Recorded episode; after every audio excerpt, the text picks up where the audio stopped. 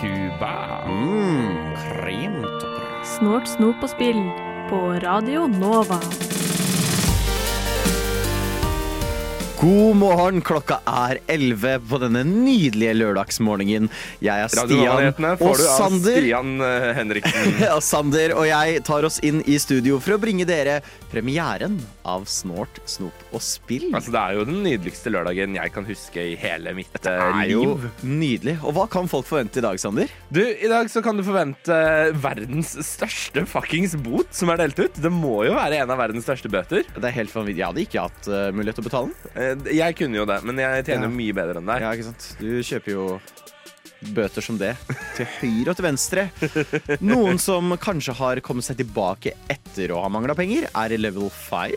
Så skal vi selvfølgelig til det som på mange måter har vært den største snakkisen denne uka. Vi skal til Last of Us-serien. Selvfølgelig. Og generelt spill på lerret. Ja, For det er jo egentlig litt iffy-iffy. Og så til slutt, har du en god venn du ikke har lyst til å ha lenger, slapp av, du får tips av oss. Og frykt ikke, for vi skal også selvfølgelig innom ukas snåle snop, med en litt snål historie. Der hørte du Benji og banden med Midt i gata. Nå er vi Hvor hørte du Benji og Banden midt i gata, Stian? Her på Radionova Snort, snop og spill. Ja, det er viktig at du Siri er også med på sendinga, for de som lurer. Um, vi skal nå over til ukas snåle, og dette må forklares for i seg selv. Kanskje ikke så snålt. Nei. Men det har fått en sånn rar korrelasjon med spill og spillkultur. Gaming, da, punktum. Ja, det er en veldig snål kombo og veldig snål uh, forbindelse.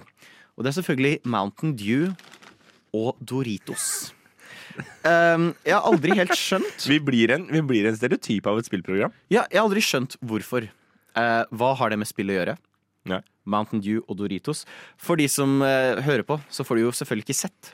Eh, alle hører på. Eh, så ingen får sett at det er Halo. Halo pryder forsiden på Doritos. Xbox står det på toppen. Få et free month med Xbox GamePass Ultimate. Å, kan jeg få Halo Infinite. Så altså, det her er jo spill allerede. Men hva har det med spill å gjøre, hører jeg du spør i hodet Eh, ditt, Sander. hva har det med spill å gjøre, Stian? Mountain Dew er egentlig lagd for eh, hjemmebrent, for de som lurer. Sander spurte hva smaker det. Det er egentlig ment som smaktilsetning for hjemmebrent. Men det er tydeligvis et veldig høyt koffeininnhold. Høyere enn vanlig brus. Og derfor, siden energidrink ikke helt tok av før 1997, begynte folk som drev med programmering når de hadde lange kvelder og programmerte, å drikke Mountain Dew. Jeg orker ikke at du skal begynne å gjøre research dette programmet, Stian. For de holdt seg da bedre våkne med det, og så slapp de å lage kaffe. For det tok tydeligvis verdifull tid. Eh, Så det sto i som flere programmeringshåndboker på 90-tallet. Kjøp deg Mountain Dew. Og så begynte Mountain Dew å skaffe seg promogreier, så når spill kom ut, så kunne du vinne eksklusive ting via kjøpe Mountain Dew. Eh, og tilfeldigvis hadde Doritos en gang gjort en collab med Mountain Dew, hvor du kunne få Doritos som smakte Mountain Dew. Eh, så da var de sånn eh, Kanskje vi skal slenge oss på dette også? Og så Ja. begynte de å ha Halo Er tydeligvis en gjentagende greie på Doritos. Det har til og med skjedd Dorito-gate i spillverden. Hvor han som hosta Game Awards, Jeff Keeley, Ja. hadde et intervju eh, Og det var absurd, jeg så bilde av det, hvor han bare var omringet av Mountain Dew og Doritos. Eh, det var så åpenbart sponsa at det går ikke an. Um, så, så det er så synonymt med spill. Men skal vi smake på dette, eller skal vi, bare snakke om det? vi må jo smake på det. Ok, tar vi Mountain Dewen. Ja, to sekunder skal jeg åpne opp eh, Doritoen her. Altså denne, det har jo den karakteristiske Mountain Dew-lukten. Ja.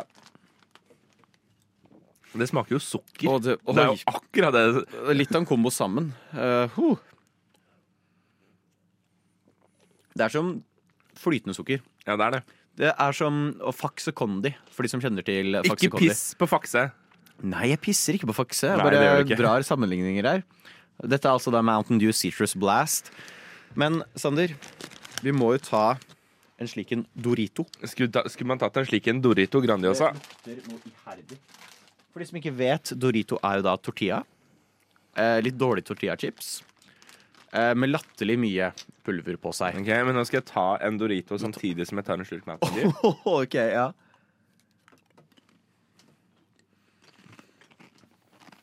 Det duger. Det er ikke det beste jeg har smakt. Det er en slags kombo. Men Stian, Ja. I dag er det jo Det er jo ikke hvilken som helst sending av Snortshop på spill. Det er premiere. Det er premiere. Og hvis du nå ser bak deg, så ligger det en liten pose.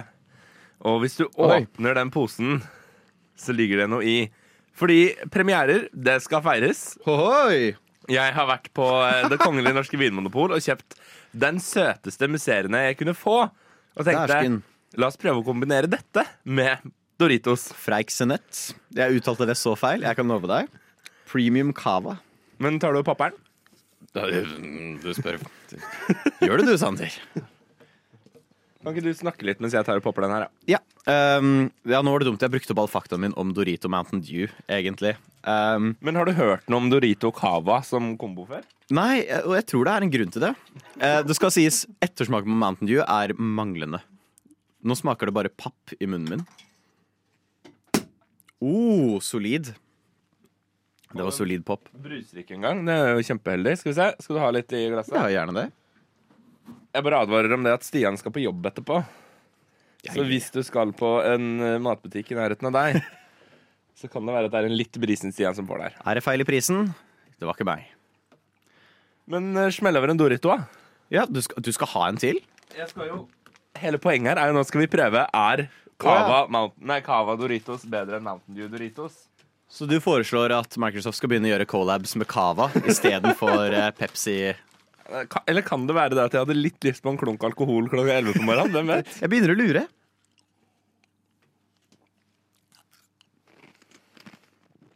Nei, det er ikke komboen jeg hadde gått for. Um, men en skål for, uh, for det. En skål for premiere, eller? Skål for premiere. Der hørte du baklengs salto med 'Jeg vil ha'. Og hvis du vil ha svaret på hvor jeg og Sander rangerer Mountain Dew og Doritos som en combo-package, så får man vente og se til etter eh, mot slutten av sendinga. Da putter vi det på vår patenterte tier-list. Men vi kan vel røpe det at Mountain Dew og Cava ikke kommer spesielt høyt opp. Vi kan vel nevne det at jeg tror ikke det kommer på lista engang. Eh, og det kan hende vi deler ut en måned gratis uh, GamePass. Uh, som ikke bare er tilfeldigvis noe som sto på baksida av vår Doritos-pose. Uansett, vi skal over til mitt hobbyrom. Hva er det jeg har spilt i det siste, Sander? Vil du at jeg skal Spør stille deg det spørsmålet? Uh, jeg tror jeg stilte deg det, av en eller annen grunn. Um, Stian, hva er det du har spilt i det siste? Nei, det har jo vært jul. Um, Nei. Jo, overraskende nok.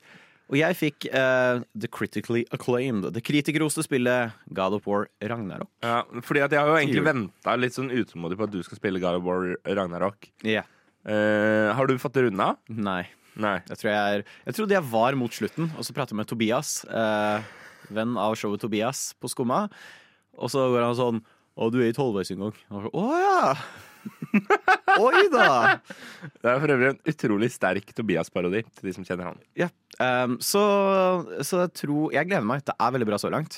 Um, Men, men ja, tør fordi at hva, hva er tankene dine rundt God of War så langt? Det er veldig bra, men jeg syns ofte at de kaster litt for mange Når de kaster litt for mange finner på deg om gangen, Ja. så mister du litt kontroll, og det blir litt kaos.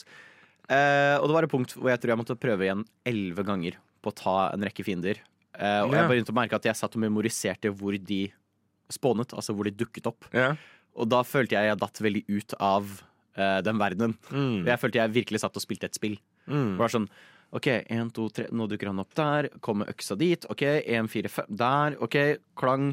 Det blei mer sånn. Men Men- når, når det er sånn mano el mano Sånn når du står der øye til øye med en ganske tøff fiende, og du står der med den øksa di og å, Det føles fantastisk ut. Og det er ekstremt intenst til tider. Ikke alle bossene så langt har truffet så bra. Uh, en av bossene har jeg kalt noe jeg ikke er så stolt av. Um, ikke noe cancelable greie, men uh, jeg behersket ikke sinnet mitt så mye. Nei. Uh, Nidehogg, hvis du hører på Fy. Du er en drittboss. Um, men det er veldig kult. Storyen er interessant. Det er veldig kult å se Norge representert på den måten det er. Du Men- ikke det så ofte. Kan jeg få spørre deg om en ting? Fordi at jeg har jo åpenbart ikke spilt dette. Fordi det ikke kommer på ikke spillbart på PlayStation. Ja, det er PlayStation exclusive. Uh, eh, og, og så har jeg hørt at folk har hengt seg opp i at det er litt vel hintete når det kommer til puzzlesene. Er det noe du har tenkt på, reagert på, sett på? Uh, Ja, jeg, jeg, for jeg la merke til at folk klagde på det også. Men jeg lurer på om det er når du spiller på lettere difficulties. Ja, okay. uh, så gjør de det fortere.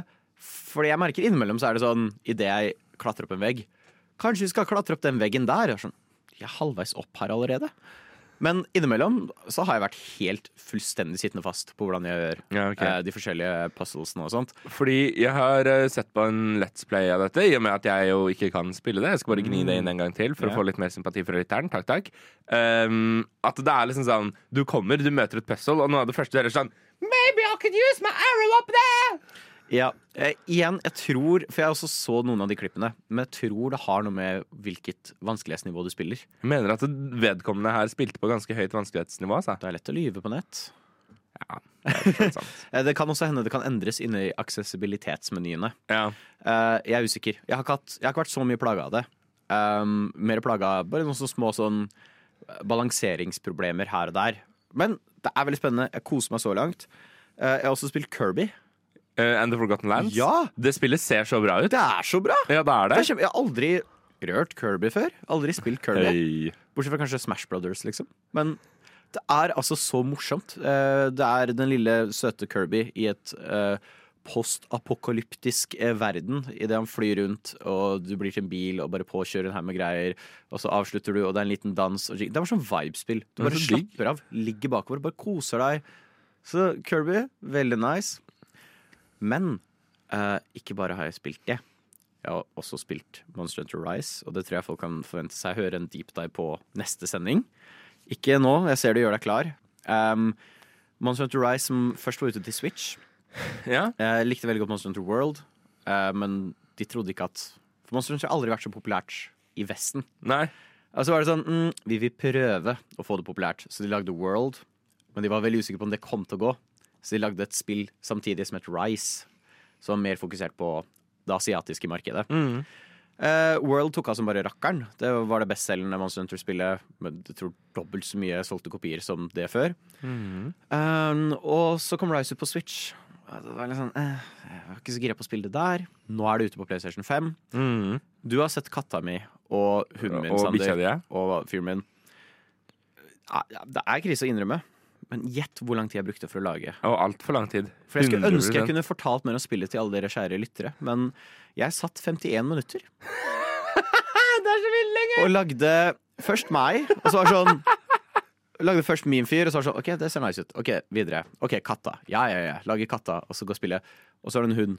Å nei. Å nei. Jeg har satt med en kompis, det var eh, midnight launch, så vi satt og venta på at spillet skulle dukke opp klokka tolv. Og vi gleda oss, og vi skulle spille sammen. Men vi fikk jo ikke spilt sammen. For jeg brukte 51 minutter på å lage meg, katta mi og bikkja mi. Og så fikk jeg litt panikk når de introduserte en ugle kort tid etterpå. Så, å nei, må jeg lage det nå? Eh, men det gikk heldigvis fint. Så langt virker veldig bra. Men det spillet jeg skal gjøre en deep dive i, det er Sable. Å blande snålt snop og spill? Eh, det vet jeg ikke helt om kommer til å fungere. Hva tenker du, Todd Howard? All of this just works. I'm not kidding. Der Der hørte du Simen La Steinklev. nå en mann le ferdig, da. Ja, jeg beklager. Eh, Men du hørte i hvert fall Simen Steinklev med hilsen vi som skulle bli noe. Hilsen vi som skulle bli noe. Woo! Um, jeg har som nevnt tidligere spilt Sable. Som er et spill eh, lagd av Shedworks. Ja, jeg så akkurat på um, traileren til det her, og Ja. jeg elsker artstylen så jævlig hardt. Den er så nydelig. Det er vanskelig å beskrive den, men den er Det føles håndtegna ut. Det gjør det. Er vel den beste måten For å legge premisset til Sable først, da. Eh, Så handler Sable handler om å finne seg selv. Eh, så, ja, og det var akkurat min reaksjon òg. Det er fortsatt litt min reaksjon. Jeg er ikke ferdig med spillet enda. Det sånn, Er det sånn, uh, det første du gjør, er å dra til Oslo lufthavn Gardermoen og booke første fly til Bali? Verst er at du er ikke langt unna sannheten. Uh, spillet starter opp. Du spiller som Sable. Um, og hun setter ut på en reise fra hun bor i en slags nomadisk stamme i uh, Se for deg Utah, Grand Canyon. I den type ørkenlandskap. Mm. Sånn starter spillet. Du starter i et rart tempel, og så skal hun starte på det som heter The Gliding. The som er, gliding. som er en ting alle i hennes stamme gjør når de blir eh, gamle nok. Rett og slett for å finne ut hva de vil gjøre med livet sitt. Um, Ja. Om de vil eh, Hva slags karriere de vil uh, ta, da. Og her starter spillet tregt. Uh, som for meg var først litt sånn ah, kjipt. Du blir låst inne i et område, og du får en sånn eh, Hvis folk ser for seg starten på Star Wars The Force Awakens, okay. hvor Ray har denne scooteren, denne speederen hun driver og kjører rundt på. Du får Det er premisset til spillet. Og du Ja. får en sånn scooter som går i to kilometer i timen. Det er den tregeste. Se for deg en eldre person på en Vespa. Og der har du følelsen av å kjøre rundt på den, og du tøffer rundt på den og plukker opp ting. Og er det sånn, Er det her spillet jeg har kjøpt? Det var litt skuffende. Det var veldig tregt. Og så er det et sånn nydelig øyeblikk når du da har spilt i sånn to timer. Ja. Og du har hatt denne drittsykkelen, og endelig så får du mekka sammen din egen hover speeder-bike. Ja. Og spillet bare åpner seg. Og du okay. glir ut av liksom porten der hvor du har vært sperra inn.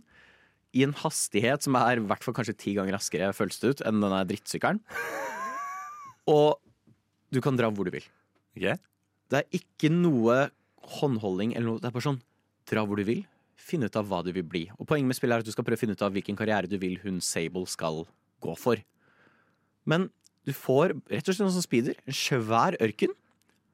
Og du kan dra hvor du vil. Og musikken er sånn eh, er fra den koreanske artisten Japanese Breakfast, som er litt forvirrende. Men musikken er veldig sånn lofi. Men, eh, den japanske artisten eh, Nei, koreanske artisten Japanese Breakfast. Ok. Ja. Sure.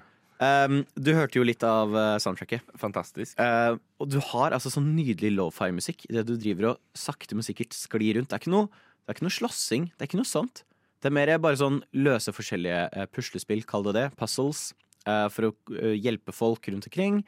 Og du får plukket opp quester, du møter merkelig rare karakterer. Jeg fikk fiskestang.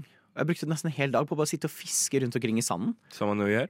Og så er det et slags sånn overgående mysterium, føler jeg, hvor det ligger mysse, mysse masse eh, ruiner og romskipruiner. Som, altså romskip som er splitta i flere deler, strødd utover disse ørkenlandskapene. Eh, så- og jeg tror man er på jorda Ja. i den ganske så lange framtid. Okay. Um, men jeg vet ikke helt, for igjen, alt går veldig på sånt rolig, tilbakelent eh, pace. Men er det cutscenes i det i det hele tatt? Ikke noe cutscenes. Du bare prater med folk. Eh, det nærmeste du kommer en cutscene, er første gang du får sklidd ut av startområdet. Ja. Så zoomer kameraet ut for å vise deg hele verden, men du får fortsatt drive og kjøre rundt. Så du kan se liksom fyren din bare drive og liksom rundt på den speederbiken akkurat som du styrer. Det er det nærmeste du kommer en cutscene i spillet. Skal vi se, hva kalte du skuta? Hæ? Hva kalte du skuta, spurte jeg. Skuta? Spillet. Spillet? Ja, eh, jeg trodde de het speederen. Det heter Sable. S-A-B-L-E. Setter det til nedlasting. Så det er veldig sånn bare avslappa, rolig spill. Bare kose seg, rett og slett. Lev deg inn i verdenen. Åh, Dra det høres jo, hvor enn vinden tar deg. det høres jo helt nydelig ut. Ja, det er jo veldig sånn Altså Hvis du har lyst på sånn kjempehistoriefokusert spill, det er ikke det. Og jeg kan ikke si om det kommer til å klare å hjelpe deg med å finne deg selv. Men igjen eh, så har spill overrasket meg før. Celeste overrasket meg veldig. Jeg var litt sånn mm, Jeg vet ikke om dere klarer å ta opp akkurat dette temaet. Og så klarte de veldig godt å ta opp eh, temaet om Akkurat det temaet. akkurat, Ikke akkurat det å finne seg selv, men temaet eh, Celeste tok for seg. Så var jeg sånn hmm, Ja, vil ikke, det, det vil du ikke si. Jo, det er bare vanskelig å putte ned i sånn én god setning. Men det handler jo om å hate seg selv, da, og det å overkomme Og det å ikke tro på seg selv. Ja. Det å få den følelsen at 'jeg får ikke til dette'. Mm. Og så var det genuint den følelsen når jeg var ferdig med Celeste. At holy shit, jeg fikk til det der. Wow, jeg trodde, Og jeg trodde ikke jeg kom til å klare å fullføre Celeste så mange ganger. Så klarte jeg det. Så vi får se. Men Sable er en sterk, sterk anbefaling for meg. Det er bare sånn som Kirby. Nice spill å bare slappe av til. Jeg laster den ned på Xboxen as we fucking speak. Nice. Du lytter til Radio Nova. Hei. Uh, kjapt, uh, vi skal bare melde fra om at det er nå brannalarm her på bygget. Så hvis vi ikke dukker opp på en stund, så er det fordi vi er ute. Eh, forhåpentligvis løser det seg fort.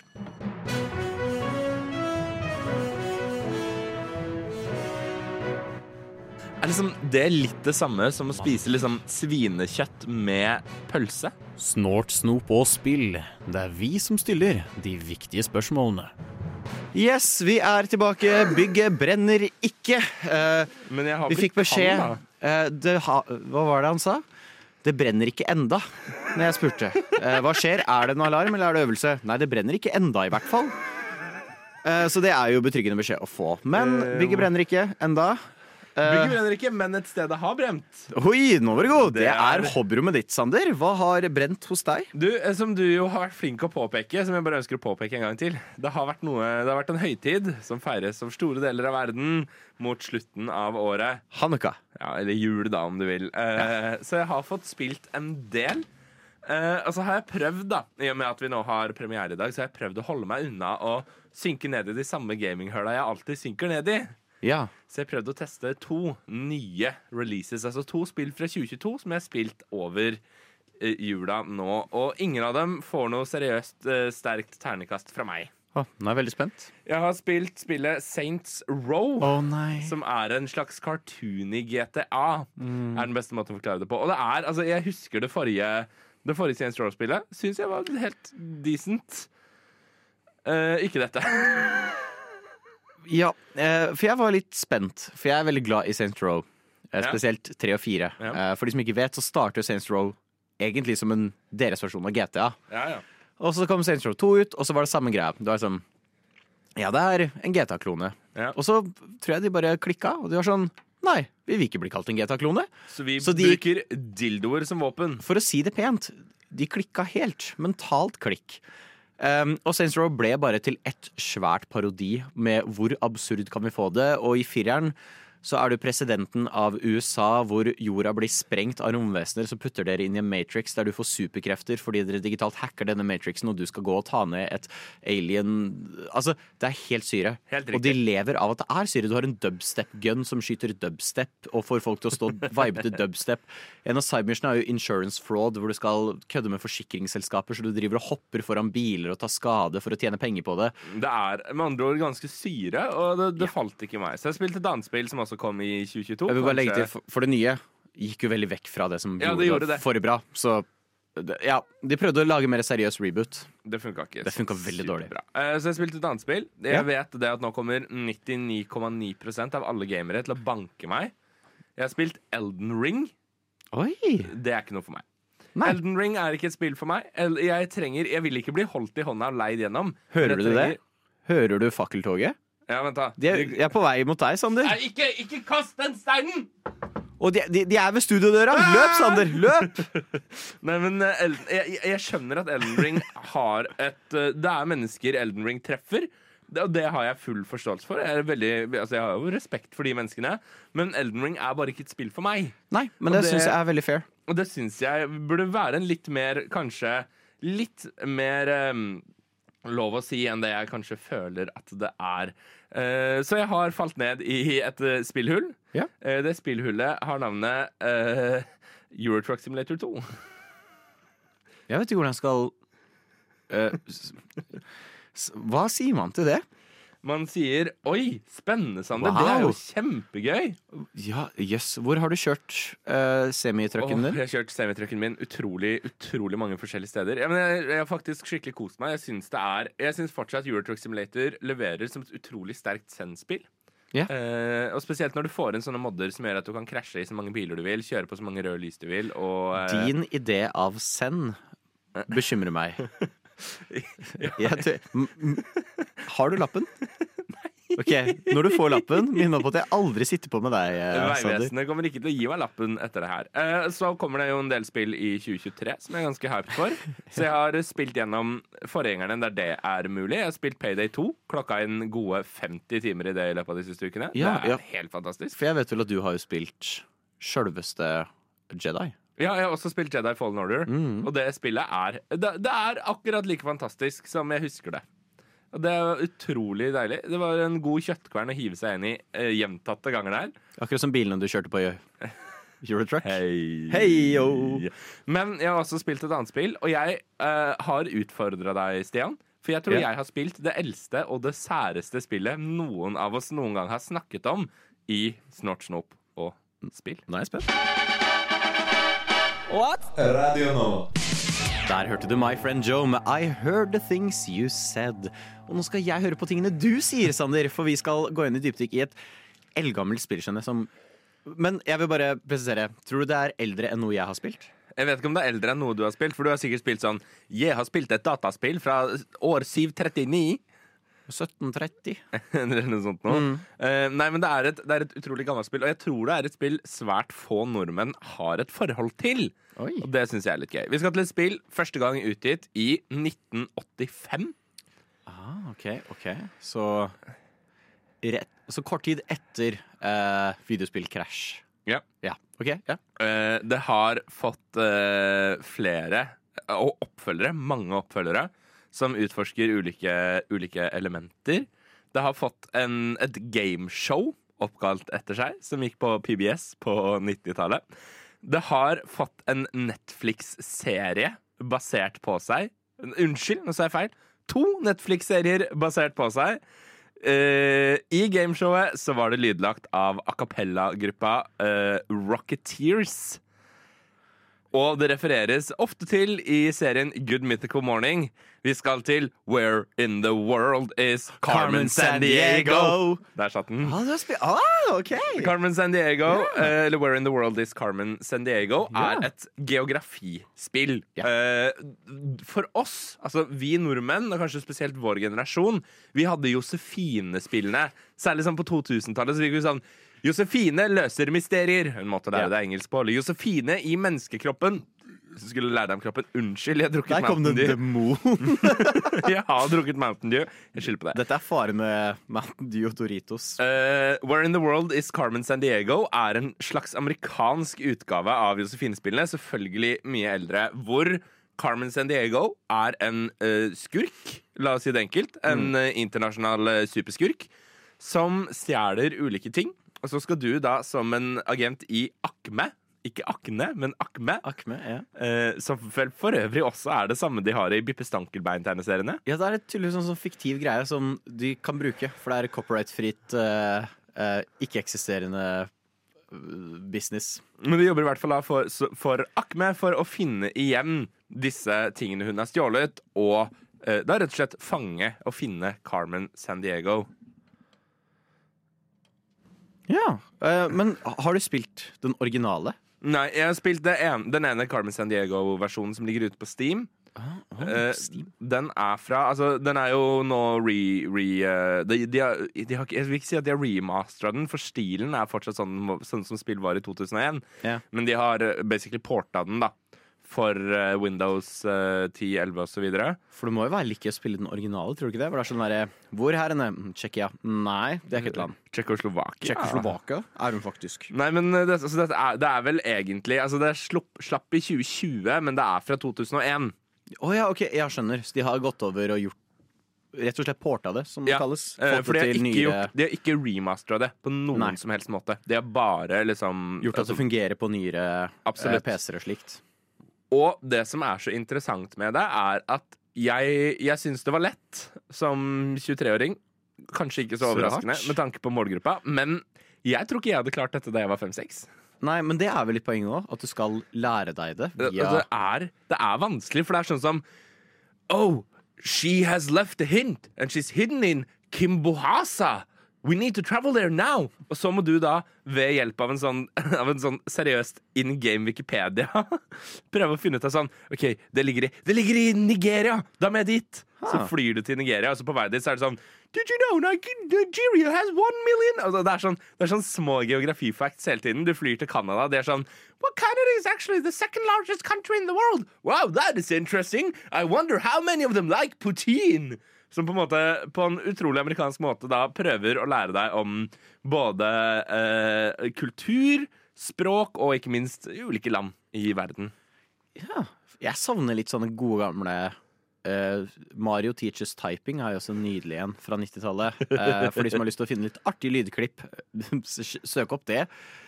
For det gjøres, ikke, det gjør, gjøres ikke på samme måte nå lenger. Nå har vi jo eh, GeoGuessr. Er vel det nærmeste du kommer. Det er, Carmen San Diego. eh, men det er ing, på ingen måte likt Where in the World is Carmen San Diego. Nei, ikke, altså du lærer jo ingenting i GeoGuessr. Nei, Du bare gjetter. og ikke minst det jeg har kost meg mest med da i forbindelse Altså Jeg brukte hva da, to timer på det spillet, det er jo ingenting. Eh, men det jeg har kost meg mest med, er å så gå på YouTube og finne gamle VHS-ripper av gameshowet Where in the Ah, ja. World is Carmen San Diego. Eh, som er Det er fantastisk 90-tall. Så det er en anbefaling både Carmen San Diego Altså det koster Jeg tror det kosta liksom 39 kroner på Steam. Oi, det er jo ikke. Ingenting. Kjempekoselig. Det var utrolig gøy. Og du, du føler, selv om dette ikke nødvendigvis er et spill vi har et forhold til, Nei. så føles det som å spille de, de på en måte lærespillene vi hadde som barn, da. Så du er blitt vår ekspert på geografi nå. Eh, jeg vet i hvert fall at eh, Kim Hasa ligger et eller annet sted i Afrika.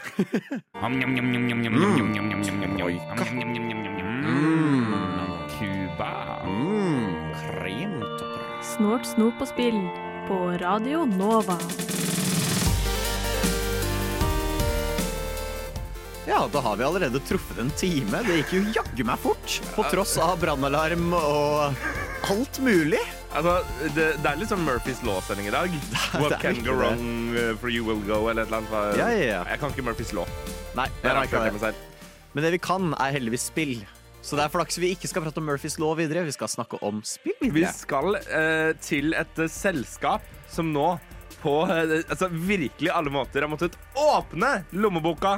Oh. Gjerne et spill som får andre folk til å åpne lommeboka. Ja. ehm, jeg gleder meg til et av mine favorittstudier kommer tilbake hit til Vesten. Og ikke bare det, vi skal prate om et spill som eh, du har sjekket ut om fortsatt holder seg. Eh, og det er jeg ekstremt hype for. Og så skal vi selvfølgelig sjekke hva er egentlig greia med å ta kulturuttrykket vi elsker, putte det på skjermen og lage søppel. Hvorfor går det så dårlig? Stian, Det er meg! det er, jeg, jeg har savnet å starte stikk på den måten. Ja, jeg merker det. Det er sånn jeg Um, pleier å starte meldingene til deg. Noe av ja, Men du, du, du Dette Pleier er alltid å gå Sander? Ja, men det er, så, det er så veldig mye mer seriøst når du gjør det på melding. Ja. Eh, For da, da kan det være Sander! Eller Sander. Sander. Eller Sander. Eller Sander! Ja. Eh, Um, vi elsker kulturuttrykket som kalles spill. Ja, eh, jeg har vel prestert å si flere ganger, og jeg står for det. Eh, en av de beste måtene man kan fortelle en historie på, gjort riktig. Den beste måten å fortelle en historie på gjort riktig. Ja, det er en med. ekstremt god måte. Men Problemet er er jo det at når ting blir stort, så er det veldig mange som tenker hm, tjener mer penger på dette, sa du? ja. Vi har jo eksempler eh, fra litteraturverden. Se for eksempel på Nå sier jeg ikke at dette er en dårlig bokadapsjon. Dette er en, på veldig god, ja. en veldig god bokadapsjon. Men uh, Hunger Games blir et kjempefenomen. Hva får vi? Fire. Movies. Filmer. Helt riktig. Um, for det, det, der er du inne på noe. Men det som er litt interessant, er at det er lettere å oversette en bok. Mye lettere å oversette en bok til film. Uh, for da har du på en måte et manus fra før av. Problemet med spill er jo det at spill har den interaktiviteten Ja. som ikke så veldig godt lar seg oversette til uh, lerret. Spill er veldig kult i måten du selv samhandler med kunsten. Det er et kunstverk som kan bli lagd slik at du skal samhandle med det. Mm. Og mange spill har veldig smart brukt dette for å skape en twist som ikke bare påvirker hovedkarakteren, men påvirker deg selv. Ja. Um, jeg har ikke lyst til å spoile så mange spill, men et uh, ganske bra spill i, De som har spilt det, de vet. eh, får ikke hovedkarakteren til å føle seg lurt. For spillet har lurt deg hele tida. Deg som spiller har gått med på alt du har fått beskjed om å gjøre. Og vært lurt gjennom hele greia. Men hvis du ser det på filmlerret, så er det jo bare hovedkarakteren som er lurt. Ja. Men penger. Og når først uh, Super Mario tar av, hvorfor ikke lage en Super Mario-film i 1993? Eh, hva kan gå galt? Alt. Absolutt alt kan gå galt. Folk kan gå på kokain under hele innspillinga fordi de hater å være der. Yoshi blir til en fotorealistisk T-rex.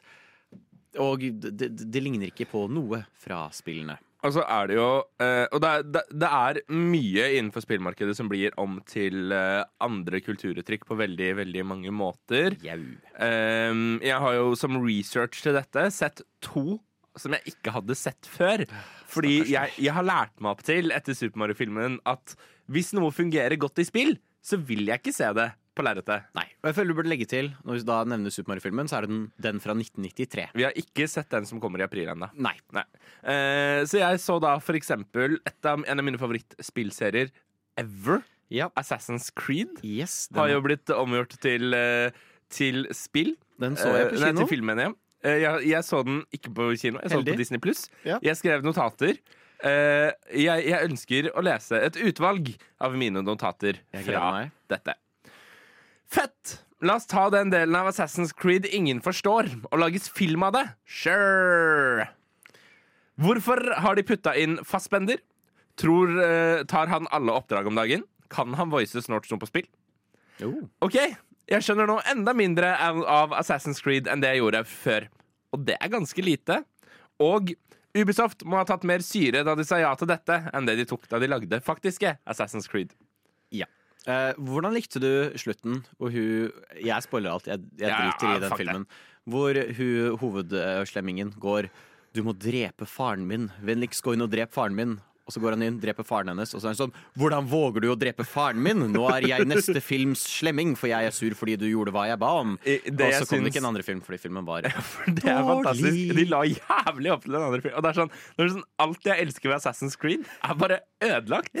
Jeg så også filmen Hitman Agent 47. Ah. Hitman-spillene. Fantastiske. Dansk utviklet. Altså jeg mener, Fy faen, hvor vilt fett er ikke det? Et dansk spill som er så populært, så tøft. Hva er, Stian, min venn, hva er det fremste i Hitman-spillene? Jo, det som er gøy med Hitman, er at du spiller en altså, snikmorder. Ja. Og du som spiller må prøve å finne ut av hvordan du skal kunne snikmorde målet ditt uten å drepe andre enn målet. Hva gjør de i hele filmen Hitman Agent 47? Våpen! Gunnere! Pang, pang, pang! Dø, dø, dø! Drr, bo, bo, boom. Uh, igjen, jeg, jeg tror alle som var med der, var tonedøve. Altså Problemet, da, hvis det er lov å si det sånn Nå skal jeg, nå skal jeg legge fasit jeg, for hva som er gærent med å lage uh, Med å lage filmer av spill sånn som det har blitt gjort til nå. Yeah. Uh, for det første, laget av folk som uh, utelukkende bryr seg om pengene. Ikke så mye egentlig om uh, å bevare det originale kulturuttrykket. To spill som er altfor åpne og altfor lite narrativt drevne. Ja, rett og slett det er vanskelig å reversere prosessen. For du må på en måte reversere en narrativ prosess når Ja. du prøver å oversette det. Eh, og som du veldig godt drar fram, det er en mangel på respekt for spill. Både som eh, narrativ form, men også som kunst. Ja. Eh, så hei, når vi lager Tomb Raider om til en film, hva om vi bare gjør vår versjon av Indiana Jones, istedenfor å faktisk prøve å gjøre historien folk kjenner igjen fra spillene? Eller hei, når vi lager Monster Hunter om til en film Jeg var litt gira på Monster Hunter-filmen. Eh, som for de som ikke vet, foregår i en fantasiverden hvor det er masse svære monstre, og det handler om monsterjegere som går ned og jakter på disse monstrene. Kult premiss. Lett å lage en kul film ut av det. Da så Hollywood, hva om vi får det til å handle om amerikanske patriotiske soldater i Afghanistan som blir dratt inn i denne bisarre verdenen, og de har en nå survival horror-film hvor de må overleve disse skumle greiene. Altså, For én ting skal i hvert fall Assassin's Creed-filmen ha. Den har jo holdt seg noenlunde til noe som kan minne om et plott. ja, det er bare synd Altså de bare ikke har fått det til. Eh, og det er noe vi merker at mange, og det tror jeg vi burde legge til før vi går over til det neste nå Som regel ting i Japan klarer l- De har fått til å lage en god del bra Ja. filmversjoner og serieversjoner av spill. Ja. Fordi de faktisk har respekt for det. Ikke alltid, men ofte. Mm. Men er det kanskje bare til å snu seg nå? Vi får se. Om det er et spill som får deg til å føle deg sånn her, eller om det skal være et spill som får deg til å reagere slik, så er sjansen stor for at du får høre om det her på Snort, Snop og Spill. Ja, du hørte der eh, Skal vi se.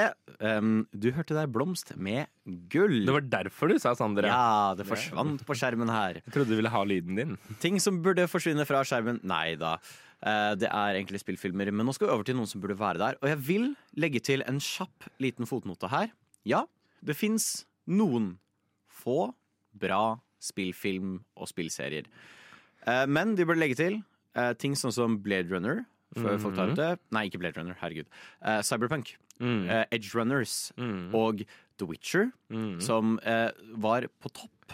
Det er ikke tull på topp av en liste jeg fant på nett over de beste film, uh, video games, TV series. Ja, For det er viktig å understreke at det er ikke nødvendigvis en overgang fra uh, spill til film. Det Der er- er det vel bok til Ja, film, egentlig. The Witcher er en bok, og uh, Cyberpunk er jo et rollespill som Dungeons and Dragons.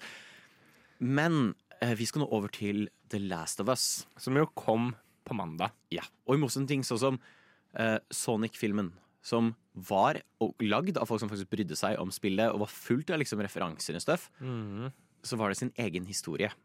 Og det er en vanlig ting som man merker. Men det funket i sånne Sonic-filmen. funket, men det er jo ikke en sånn Det føles ikke ut som at å, vi har lagd spillet om til en film. Dette derimot er en nøye rekreasjon av spillet. For la meg nå fortelle deg hva som skjedde i går.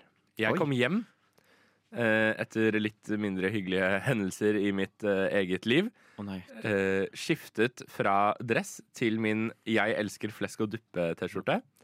La meg på sofaen med en stor bolle ostepop.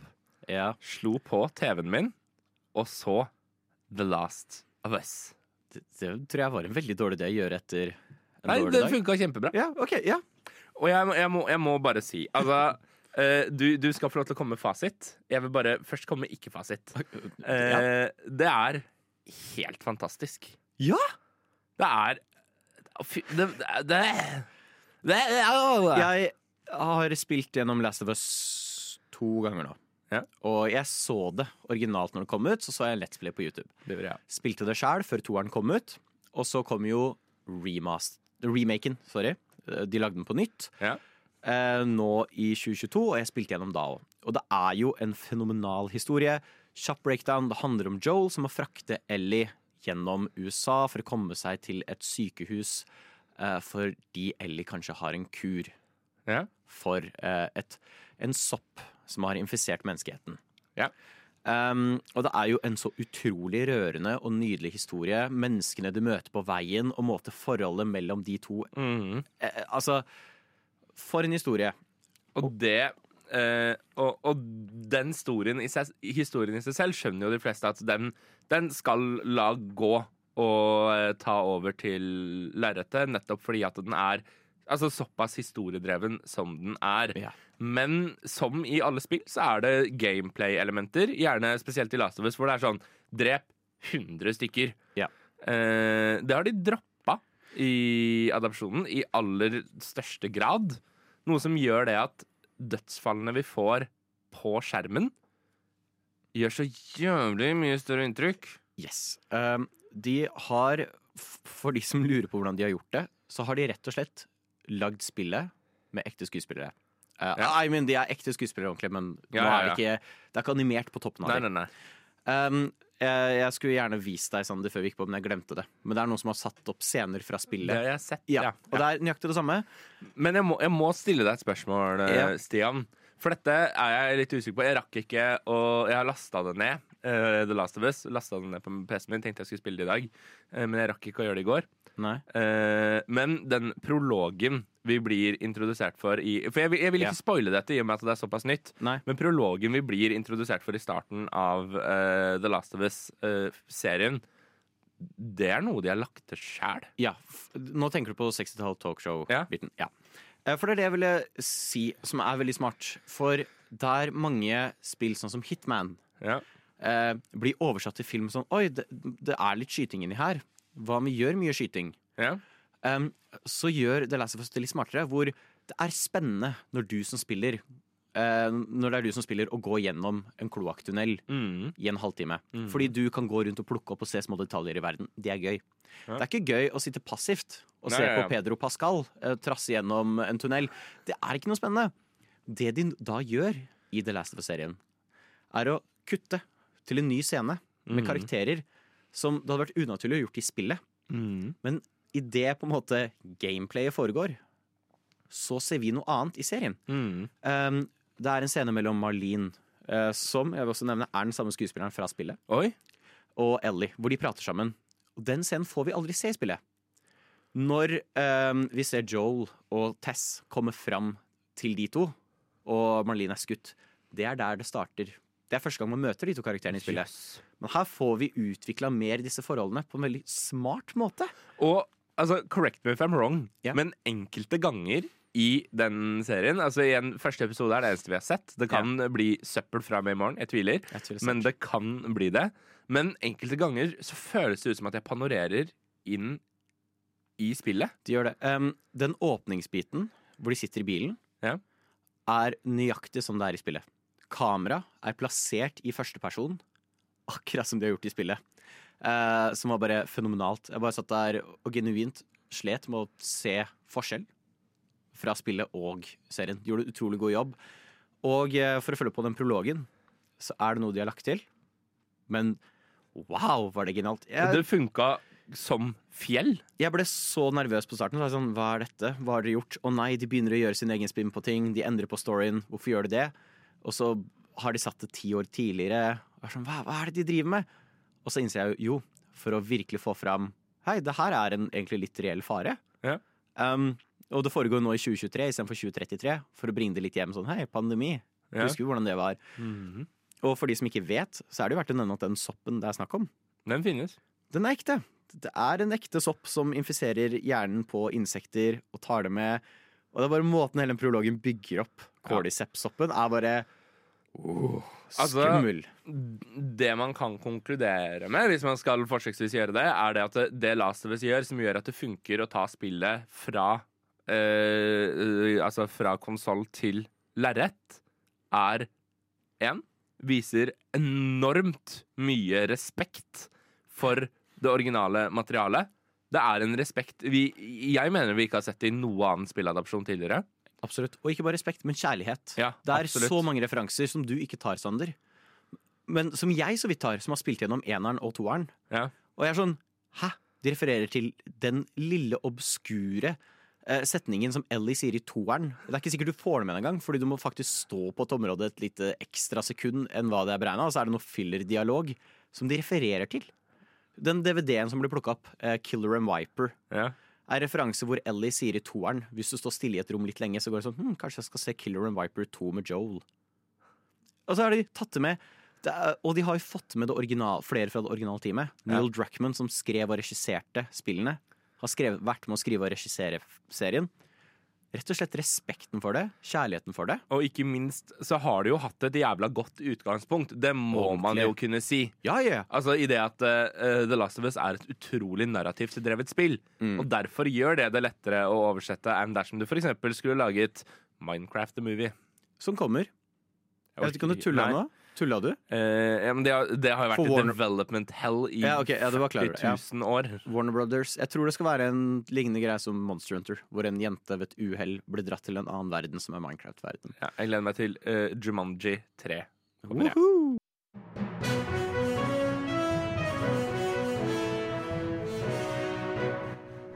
Er liksom det litt det samme som å spise liksom svinekjøtt med pølse? Snort, snop og spill. Det er vi som stiller de viktige spørsmålene. Og det viktige spørsmålet som skal stilles i dag, Stian? Det er eh, Kommer et av mine favorittstudioer tilbake til Vesten, Sander? Fordi at um, jeg, jeg ønsker å beskrive følelsen uh, som strømmet gjennom uh, vår daglige chatsamtale, som for øvrig begynner å bli litt for lang, syns jeg. Kan vi Ja. kutte ned litt i det? Jeg tror nesten det. Um, men jeg satt på jobb, uh, jobbet, gjorde jobben min og jobbet litt mer. Og så plutselig så får jeg opp en melding fra deg som er screenshot av saken ehm, Level 5 kan, uh, might be coming back to the west. yeah. Og deg som dør. Yes! Stille og rolig. Um, level 5 er kanskje best kjent for de fleste for Nino Kuni. uh, som var et spill der Studio Ghibli Ja. var med Ja, ja, ja. animere uh, og det meste, egentlig. Musikken var lagd av han som lager musikken til Alta Ghibli. Og det tok helt av når det kom ut. Men de har også lagd utrolig mye annet. Og det som er fel til felles med alle level 5-spill, som jeg har spilt i hvert fall, er Mm. bare så ekstrem kjærlighet og polish. Alt er så finpolert til det minste lille detalj. Og mitt første opplevelse med Level 5 var Fantasy Life, som er en mm. RPG-spill på 3DS. Som har en gigantisk open world, åpen verden du kan utforske. Som jeg da satt og tenkte hvordan i huleste klarte de å få dette på en 3DS. Eh, Det overrasket meg. Musikken var han som lagde de originale Final Fantasy-spillene. Skikkelig kul musikk. Yeah. De hadde en svær expansion-DLC og masse sånn kule RPG-systemer. De lekte veldig med hvordan kan et rollespill fungere. Mm. Hva om du har tolv forskjellige roller slash uh, lives eller jobs, og så kan du mikse og matche. Så for eksempel, ah, du kan være en mercenary som går rundt og tar uh, forskjellige kontrakter for å drepe banditter og sånt. Men du har lyst på bedre sverd. Du kan, da kan du bli en smed. Og så kan du lære deg å lage sverd, og så kan du lage bedre sverd for denne styrken. Det var veldig gøy. Og så ga de ut Yokai Watch, Mm. som var deres uh, både heio og deres å nei. uh, som var eh, samme sjanger som Pokémon, Mm. men mye bedre. i min Mm. sterke mening. Uh, Der du går rundt og møter på mytologiske skapninger, yokais, i igjen en svær åpen verden. Mm. Og de, det var spill fylt med humor. Eh, De prioriterte humor overfor mye storyline. Bare masse parodi, parodier. Treeren er jo basert på X-Files. eh, Med The Y-Files. Du har Blunder and Folly istedenfor Molder og Scully. Og det er bare tull og piss, og du drar til Amerika, og de driver konstant og gjør av Amerika. Men level 5 har da altså ikke vært hos oss de siste par åra. Hvorfor ikke Nei, fordi uh, Yokai Watch, når det kom ut, eksploderte i Japan. Ja. Nesten større enn hvordan Pokémon eksploderte, ha eksploderte når det kom ut. Um, og det var en gigantisk suksess. Litt for gigantisk suksess. Og det ble lagd eh, selvfølgelig anime måtte komme. Det ble lagd filmer, det ble lagd tonnevis av sidespill. Ubisoft signa en kontrakt for å lage Just Dance eksklusivt med Yokai Watch-musikk. Det tok helt av. Eh, men problemet ble jo rett og slett det at eh, de endte med å lage veldig mange spill. Um, og det tok ikke av her i Vesten. Eh, Nintendo Sorry, jeg er fortsatt på Ubisoft lager Just Dance. Jepp. Uh, ja, det er apropos. Just Dance-filmen kommer også uannonsert dato. Nei, og så bet de kanskje litt mer enn de klarte å tygge, og de var litt dårlige på å reklamere for spillene her. Reklamere? Um, vise fram, da. Ja. Spillene her i Vesten. Og det tok aldri av. Det hjalp heller ikke at de kom ut liksom mot slutten av 3DS-en sin levetid. Og de ble bare sett på som en Pokémon-klone, ikke mer. Som er synd, for de er solide spill. Og etter Yokars 3 kom ut, så var de nødt til å trekke seg ut, for de hadde tapt så utrolig mye penger på å prøve å lansere disse spillene her i Vesten. Mm.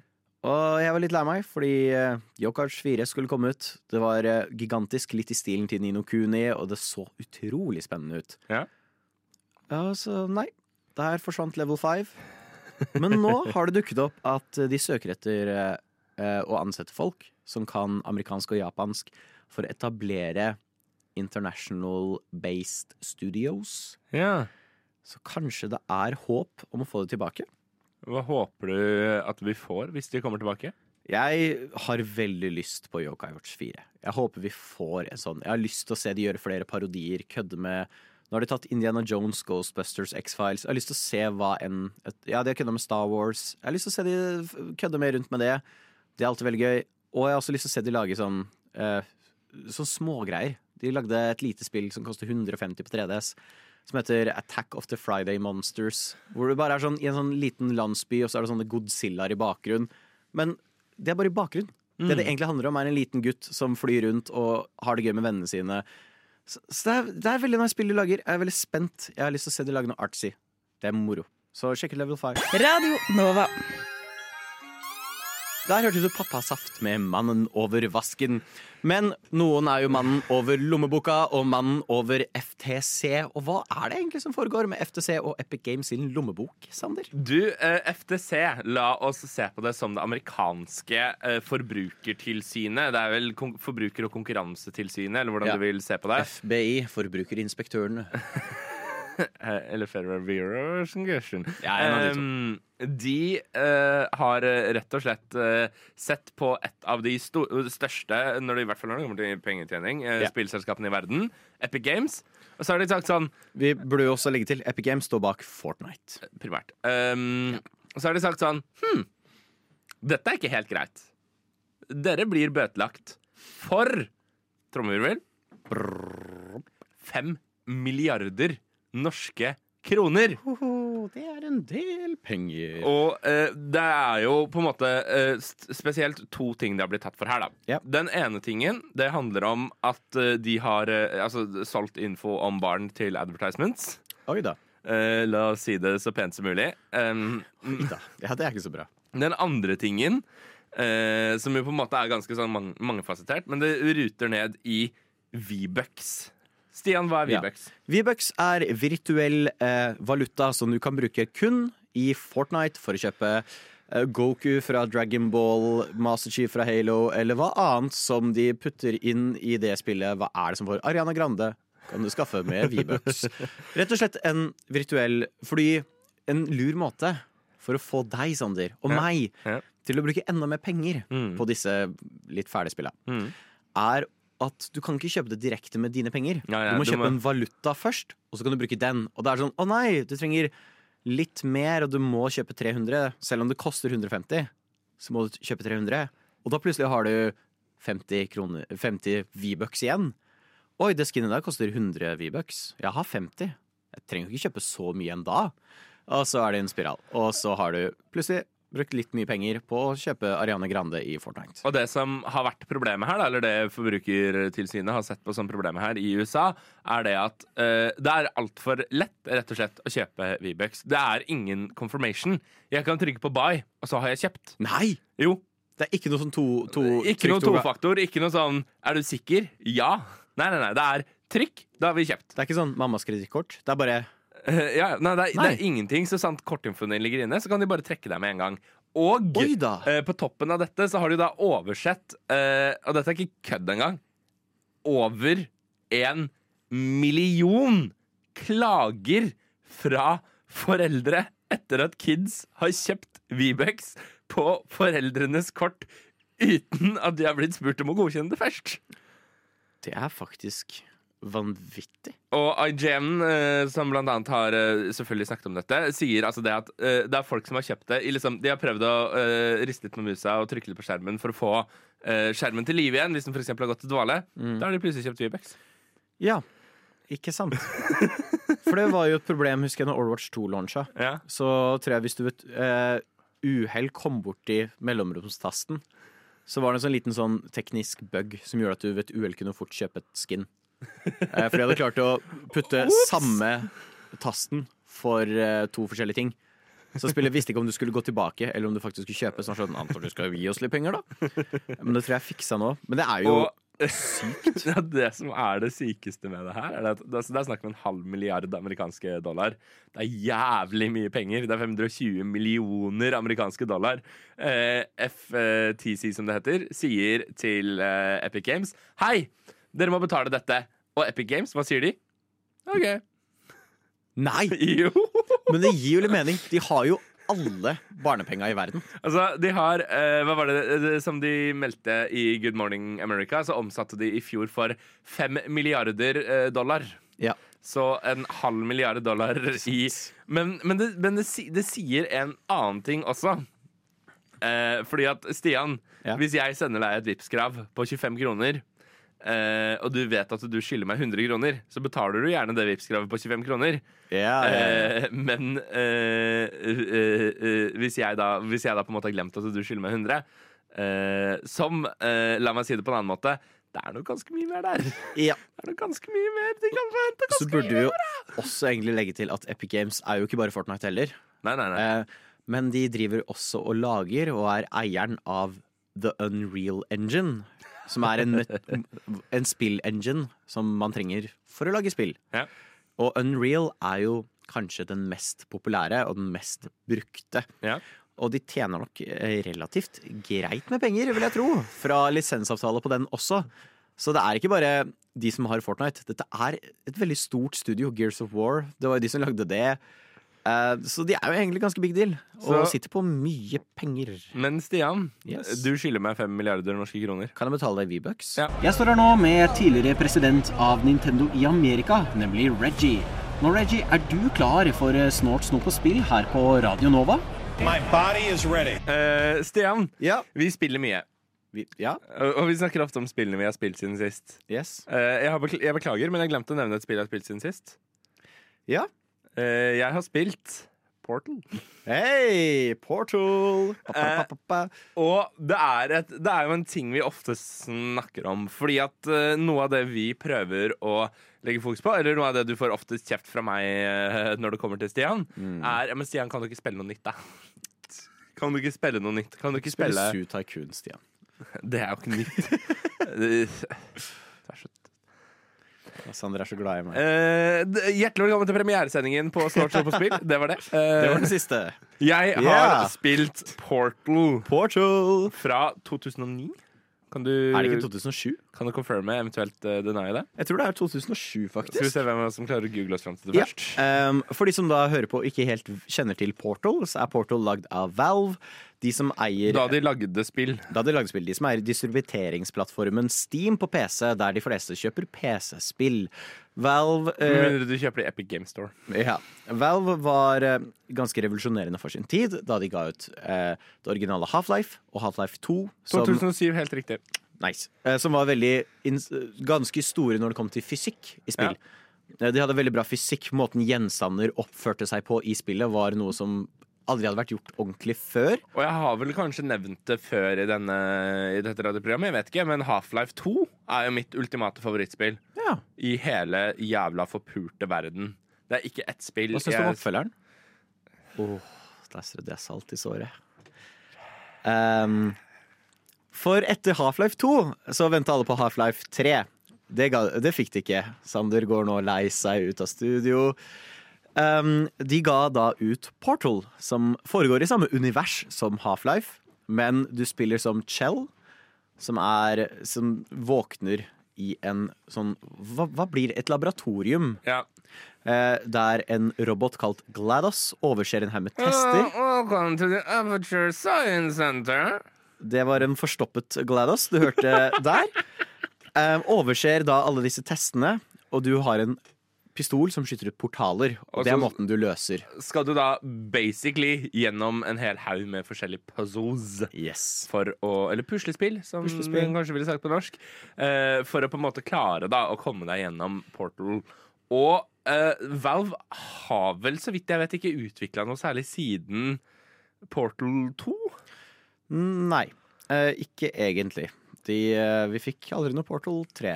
Aldri noe Half-Life 3. Ikke noe Team Fortress 3. De er allergi, Ikke Left 4 Dead 3.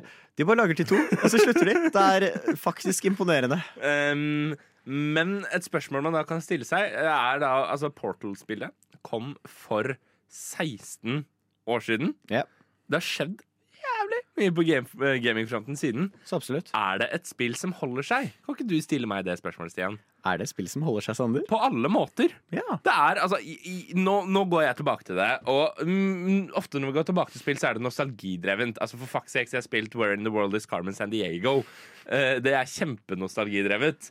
Mens Portal var oppriktig bra.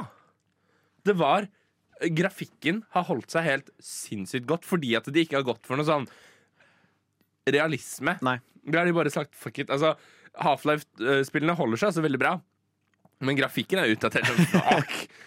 Mens uh, Portal-spillet holder seg helt utrolig bra grafikk.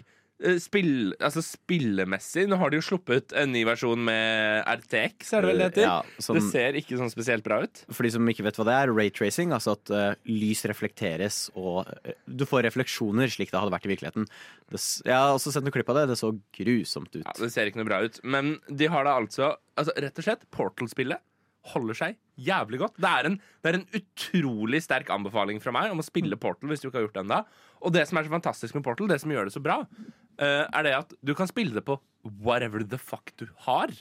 Jeg er helt sikker på at hvis du nå graver fram PC-en du bruker til å skrive dine skoleoppgaver, som sikkert ikke er en kjempesterk PC, så kan du fortsatt spille Portal. Men jeg er helt enig. Um, jeg syns Portal er solid, og det er ikke noe spill som gjør det samme som Portal. Og de er veldig gode på å mikse inn, for det er jo bare deg, og stemmen er jo til GLaDOS. Det er det du hører. Ja. Og du blir jo egentlig bare nedsnakka hele tida av denne roboten.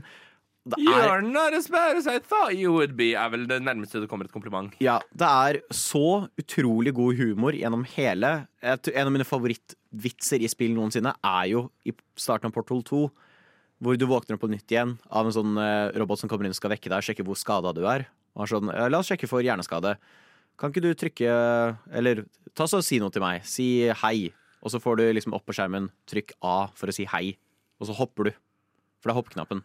Sånn, ja, OK, jeg liker krise. Ja ja, uansett, vi går. Og det, det er så utrolig morsomme spill, og de blander så godt humor og disse ganske vanskelige til slutt eh, Ja, ja. løsningene for å få til deg, men du føler deg som det største geniet som noensinne har levd. Det er sånn, ah, Hvis jeg putter en portal der, bruker momentumet for å komme meg over der, må falle flere ganger gjennom en portal, så kan jeg få momentum, og så kaste meg selv over dette juvet. Utrolig gøy. Og eh, eh, nå er dette den tydeligste oppfordringen. Altså Hvis du skal spille et av spillene vi har snakket om i dag, så er det Portal. Fordi at det kan du spille uansett. Så sant du har en PC.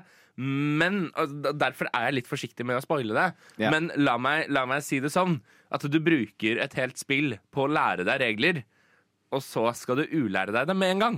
Ja, Og det er også veldig gøy eh, hvis du spiller toeren. Så kan du spille det med venner. For det er en uh, toplayer-greie der. Som også er en fin måte å teste forholdet sitt på. Eh, ja, en veldig, veldig fin måte Mm. å teste forholdet sitt på. Lyssna stedet til Radio Nova.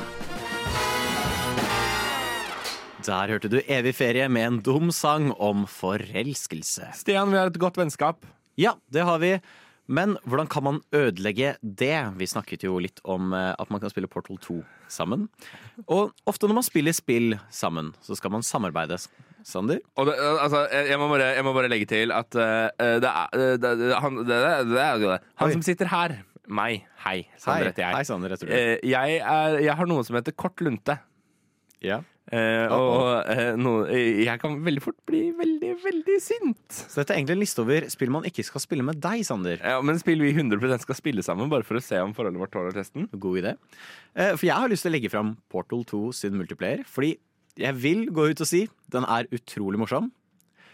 Men eh, du har en portal, og det er veldig lett å feste den portalen én over eh, for eksempel La oss si brann, Ja. som du dør hvis du faller inn i. Og så kan du feste den andre under beina på den du spiller med. Whoop, der går de, og rett ned i flammene. Bye bye. Det er veldig mye moro du kan gjøre mot din medspiller. Det er en sånn bit hvor du må tråkke på noen paneler for å løfte opp forskjellige Ja. stempler.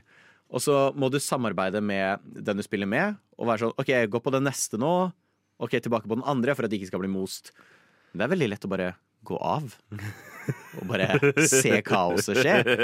Uh, og det blir jo fort litt dårlig stemning. Ja, jeg hadde klikka på deg. Jeg hadde 100% på deg. Uh, men uh, så det blir på en måte spill, spilltipsen i dag. Kanskje ikke spill du kan ødelegge vennskapet med, men spill du kan bruke til å teste forholdet.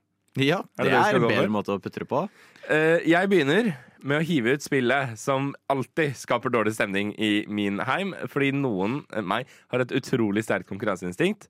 Mario Party. Ah, du, tok, ah, du tok min første opp. Mario Party er Det her er ikke tull. Vi hadde jo som miljøarbeidere på videregående skole. Og så kom han bort til meg og noen venner en gang og så var sånn Du gutta, jeg tenkte kanskje vi skulle sette opp noen sånn spillkonsoll eh, for å kunne ha noe spill som man kunne spille sammen og sånn. Er Mario, Part Mario Party fortsatt populært? Er det en greie? Vi bare sånn, nei, nei, nei, Skal vi skape god stemning på skolen? Ikke Mario Party, tror du er gæren. Mario Party er lagd for å ødelegge vennskap. Absolutt. I hvert fall når du kan begynne å stjele stjerner og Ja, for det er jo, det er et brettspill. Ja. Og vi, vi har alle vært på hytteturer, nesten. Ja. De fleste av oss vet hvordan brettspill pleier å gå. Og når du da begynner å blande inn faktumet at eh, du har disse minispilla du må spille mellom hver runde der du kan utkonkurrere alle andre. Mm. Spillet oppfordrer til å være et litt rasshøl. Og eh, men det, med det samme vi er inne på brettspill. Eh, er du som meg og har flippa monopolbrettet litt for mange ganger? Frykt ikke, du kan altså få monopol i eh, digitalt format. For å ødelegge alle vennskap til mennesker du er glad i. Og hvis du er glad i stress For det første, hva er galt med deg?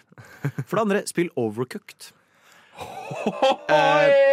Eh, Overcooked er, eh, handler om at du skal lage mat i en restaurant. Eh, dere er, kan være opptil fire stykker. Det kommer en ordre. Jeg vil ha pasta. Og så må man samarbeide med å gi hverandre de forskjellige ingrediensene. Det skal kappes opp, det skal vaskes skitne tallerkener, det skal legges på tallerken. Du må passe på så ikke maten overcooker. Eh, Men- begynner å brenne. Det blir kaos, og det blir kjefting. Og det til slutt bare er én stor kjeftegryte. Og er det én ting du kan bruke for å teste, uh, for å teste forhold uh, ja, jeg, opp, jeg oppfordrer ikke til dette, men hvis du mot formodning skulle gjøre det, så kan du jo alltids f.eks. rane en bank. Hvorfor ikke da prøve deg på Payday 2? Jeg var sjåfør av to Sammen med noen du kjenner sånn litt, og som kanskje ikke er verdens beste i dataspill. Du kommer til å drepe dem. Ja. Uh, Bokstavelig talt. Legospill òg. I hvert fall de originale. Hvor mange barn uh, hvor mange av oss har ikke som barn klikka på vennen vår fordi vi står der og vi er sånn Slutt! Stopp! Ikke gjør det, da! Altså, så idet de slår deg med et laserferd, du dør, det spruter Lego overalt. Du mister myntene dine. Ja, det er sånn Nei, du hadde nesten True Jedi. Hvorfor gjorde du det? Det er en klassiske. Jeg tror Så ja, eh, Nei. ja, sett forholdet på prøve. Prøv deg på et av disse spillene.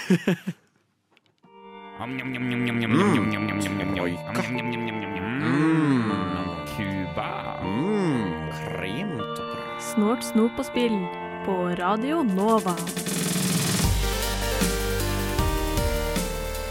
Jeg har liksom lyst til å være lei meg, men jeg sliter med å være lei meg for det, oh, den biten der. Altså, mm. vet du hva? For det første, Stian. yeah. Gratulerer! Vi Takk. klarte første sending! Første sending! Første sending! Det var bare én brannalarm!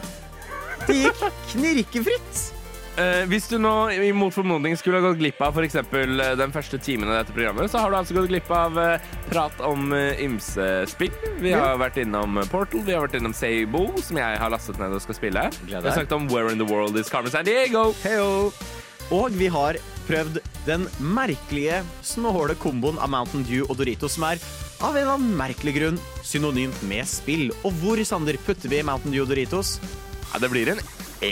Ja, jeg er helt enig. frista til en F, Ja, men eh, vi, vi kan det er lande på noe E. smak, i hvert fall. Det er noe en smak der. E. Det er noe. Så um, vi legger ut dette som pod. Følg Absolutt. oss på Instagram. Snart snop og spill. Og så er vi tilbake om to uker allerede! Bare å glede seg. Vi legger snart også ut vår oppdaterte tierlist. Og hvis du eh, ikke har fått din daglige fyll av heroin, som er snortstå på spill enda, les om spillene vi gleder oss til i eh, 2023 på radionova.no. Hei, dette er Stian eh, fra Snort, snop og spill. Tusen hjertelig takk for at du hører på podkasten vår. Eh, Vi glemte å slenge ut denne koden vi har på Doritos-posen. Eh, Vi har ikke noe særlig bruk for denne koden, så hvis noen har lyst til å ta den i bruk, er koden XTNJM6JXC5. Jeg antar du blir førstemann til mølla på den. Vi har ikke bruk for den. Vi er ikke sponset av Doritos, men synd å bare kaste posen med koden på. Kan du må gå inn på noen nettside og putte inn den koden. I hvert fall eh, står det skal gi deg en gratis måned med GamePass, så kanskje du kan teste ut flere av spillene vi har pratet om i dag.